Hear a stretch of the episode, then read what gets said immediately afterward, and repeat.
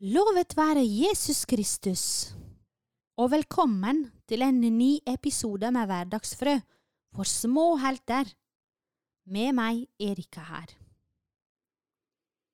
Nå nærmer det seg helg. Det er kjekt å kunne ha fri i helgener. I går, den 8. september, feiret vi en bursdag i vår familie. Gjorde du det også? Vet du hvem som hadde bursdag i går? Det var jomfru Marias bursdag, vår mor i himmelen. Vi feirer bursdagen hennes hvert år den 8. september. Det er veldig kjekt. Det er bare tre personer som vi feirer bursdagen til i året. Vet du hvem de er? Jeg kan fortelle deg. Den ene, som du sikkert vet om, er juletiden, og nemlig det er bursdagen til Jesus, den 24. desember. Den andre personen er nettopp Vår Hellige Mor i himmelen, som vi feiret i går. Og den siste og den tredje personen den er Johannes døperen. Hva tror du, hvorfor kaller vi han Johannes døperen? Ja, det er fordi han døpte jo folk, og det er han som døpte Jesus. Jeg syns denne temaet er veldig spennende. Er du enig? Vi kan snakke mer om dette en annen gang. I dag skal Camilla lære oss om noe veldig spennende også. Om syndefloden. Abraham og Guds pakt med Abraham. Her var det mange rare ord. Det håper jeg Camilla vil forklare oss, slik at vi forstår hva det betyr. Er du klar, Camilla? Hei, alle store og små som lytter til katekesen her på Santa Rita Radio. Denne måneden har vi om Faderen. Faderen er en av Guds tre personer i treenigheten, og vi kan lære om han i både Det gamle testamentet og Det nye testamentet i Bibelen. Faderen hadde skapt verden og menneskene. Etter syndefallet, da Adam og Eva måtte forlate Edens hage og begynne å sørge for seg selv, fortsatte Faderen å passe på hele skaperverket og menneskene. Men nå skal vi høre om hva som hendte da menneskene var blitt mange og fylte hele jorden. Da kan vi lese i Bibelen at Faderen så at menneskenes ondskap var stor. Det står at de gjorde ingenting annet hele dagen lang enn å tenke ut onde gjerninger. Og da skjønner vi at det virkelig var gått veldig langt. Faderen ble meget lei av dette. Han angret til og med på at han i det hele tatt hadde skapt menneskene. For å redde skaperverket sitt ville Gud gjøre slutt på ondskapen. Denne onde tiden var et kapittel i historien som skulle avsluttes. Det var noen få gode mennesker igjen på jorden, og dem ville Gud redde sammen med alle dyrene, som også var gode. Disse gode menneskene som Gud reddet da, var Noah og hans familie. Gud satte Noah til å bygge en stor båt, en ark av tre, og i den skulle Noah samle sin familie og et par av alle slags dyr på jorden. Så lot Gud det regne i 40 dager, og vann fylte til slutt hele jorden, så det sto over alle fjelltopper. Hele jorden var som et eneste stort hav, og alt liv som levde på landjorden, omkom. Det var bare dem som befant seg i arken, som ble reddet over til den nye tiden. Så tok det 150 dager før vannet sank ned igjen, og arken ble stående på landjorden, og de som var i den, kunne gå ut på den tørre bakken. Dette var en ny start men på grunn av syndefallet var ondskapen ennå ikke helt overvunnet. Gud la en videre plan for hva han skulle gjøre for å befri menneskeheten fra synden og dens forferdelige konsekvenser. Derfor ville han grunnlegge et eget folk, en nasjon, og de skulle lytte til han og følge hans bud. Dette folket ville Gud forberede på at han selv ville komme til dem som et menneske og leve iblant dem. Vi vet hvem dette er. Dette er sønnen hans, Jesus Kristus, som ble født av jomfru Maria i Betlehem. Men det var ennå en god stund igjen til, han, til det kom dit. For å grunnlegge dette folket han, som han skulle komme til, kalte Faderen først Abraham, et godt menneske på jorden, en av Noas etterkommere, til å bli forfaren til dette folket, som er israelsfolket. Abraham var en gammel mann, og hans kone Sara kunne ikke få barn. Likevel tok Gud kontakt med han og ga ham et løfte om at han skulle bli forfar til et stort folk. Og Gud og Abraham inngikk en pakt, og Gud ga Abraham et viktig løfte. Og nå skal vi høre om dette. Denne lesningen står skrevet i Første Mosebok, kapittel 17. Da Abraham var 99 år, viste Herren seg for ham og sa, Jeg er Gud den allmektige. Lev for mitt åsyn, vær hel i din ferd. Jeg vil opprette en pakt mellom meg og deg, og gjøre din ett umåtelig stor.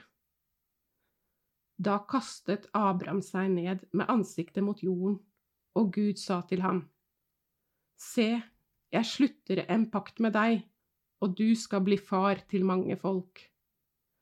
Du skal ikke lenger hete Abraham, men Abraham skal være ditt navn. For jeg gjør deg til far for mange folk. Jeg lar deg vokse og øke og gjør deg til folkeslag. Konger skal gå ut fra deg.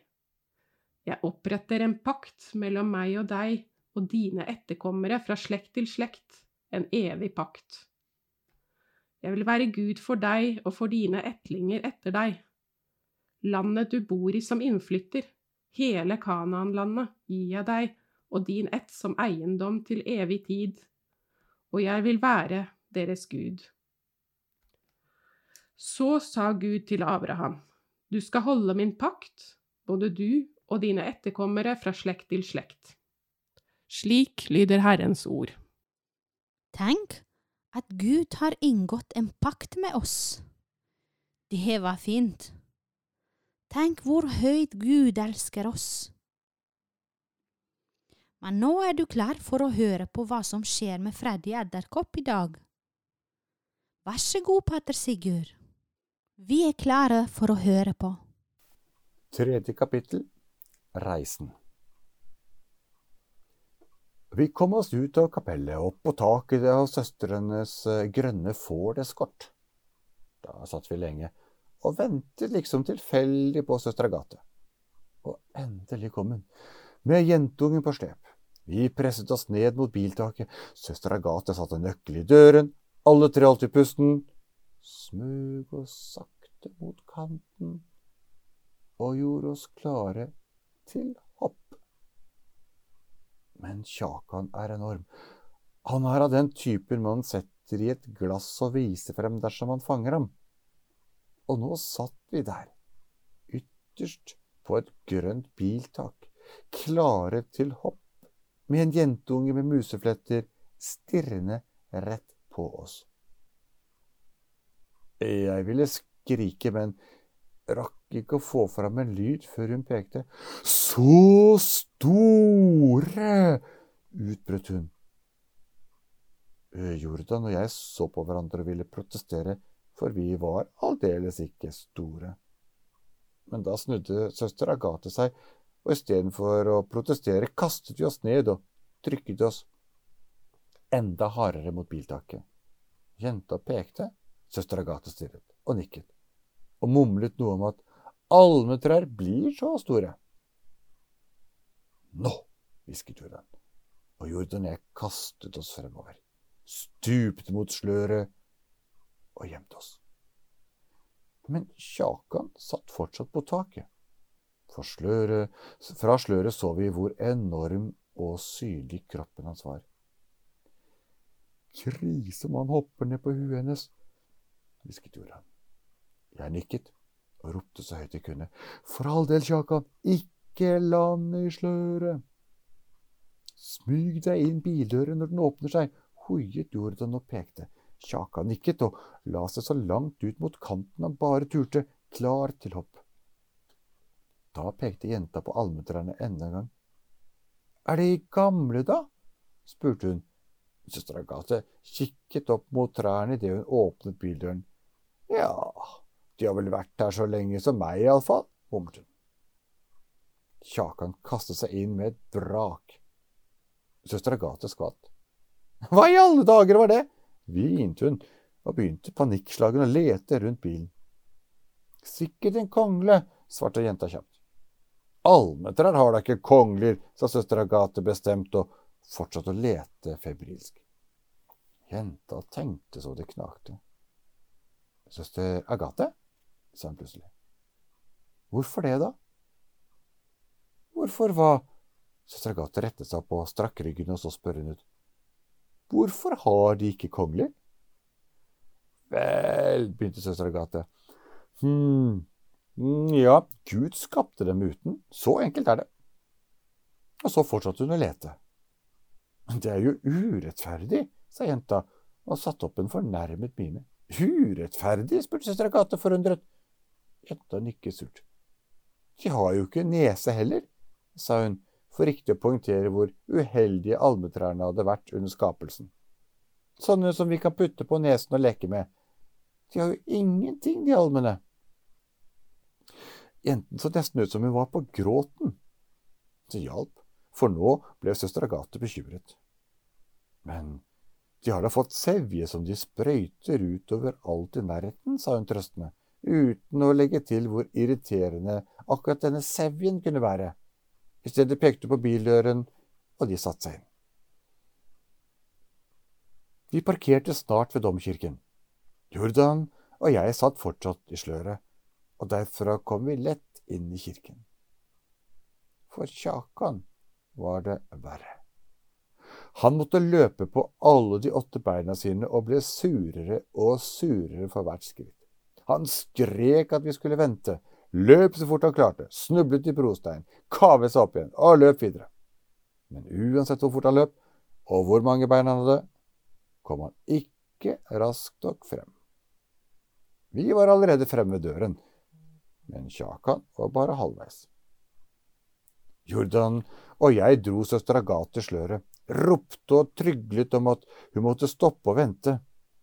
Det hjalp ikke. Da stoppet jentungen. Hun sto i døråpninger inn til kirken og så seg forundret rundt. Døren holdt hun liksom tilfeldig åpen med baken.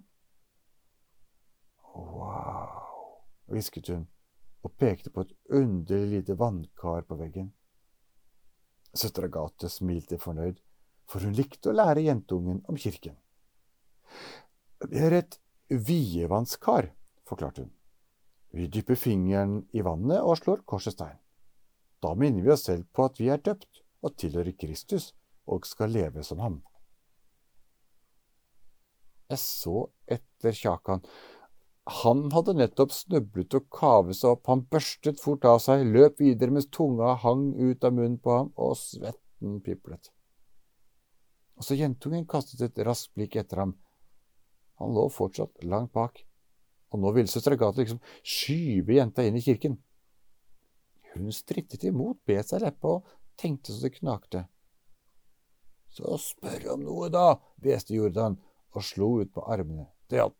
Jenta trakk pusten dypt og spurte hva er egentlig treenigheten?